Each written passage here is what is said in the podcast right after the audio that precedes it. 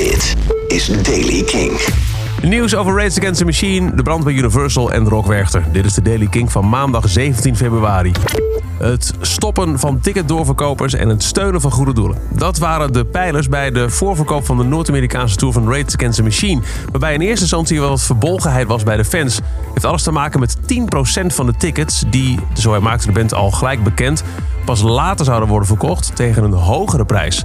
Het idee is als volgt. Een deel van de opbrengst van de normale tickets gaat naar die lokale goede doelen. 10% zou worden vastgehouden. En daarvan zou elke cent naar het goede doel gaan, maar wel tegen een hogere prijs. Om op die manier ticketdoorverkopers nog meer dwars te zitten. Maar toen bleek wat die latere 10% zou kosten, was er wel wat verontwaardiging. Tickets tot liefst 750 dollar, officiële prijs. Tom Morello van de band heeft inmiddels echt bekendgemaakt dat het allemaal lijkt te werken.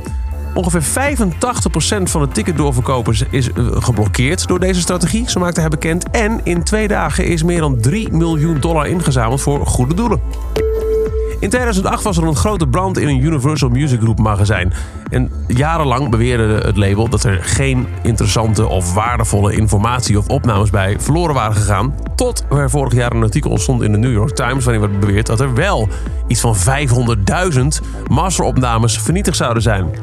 Nu heeft voor het eerst Universal in een rechtszaak bekendgemaakt van welke bands er officieel opnames, masteropnames, vernietigd dan wel beschadigd zijn. En daarbij gaat het over 19 artiesten, waaronder Nirvana, Soundgarden, Slayer, R.E.M. en Elton John.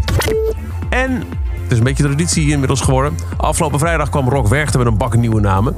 Onder meer Bombay Bicycle Club, Inhaler, Easy Life, Liana La Havas, Sampa the Great, Evie de Visser, Whitney, Gang of Youths, Oh Wonder en Joep Beving zijn toegevoegd aan de line-up van Rock Werchter 2020. En tot zover de Daily Kink van maandag 17 februari. Elke dag een paar minuten bij met het laatste muzieknieuws. Wil je niks missen? Dan luister je dag in dag uit de Daily Kink via de Kink-app, kink.nl of waar je ook maar naar podcast luistert.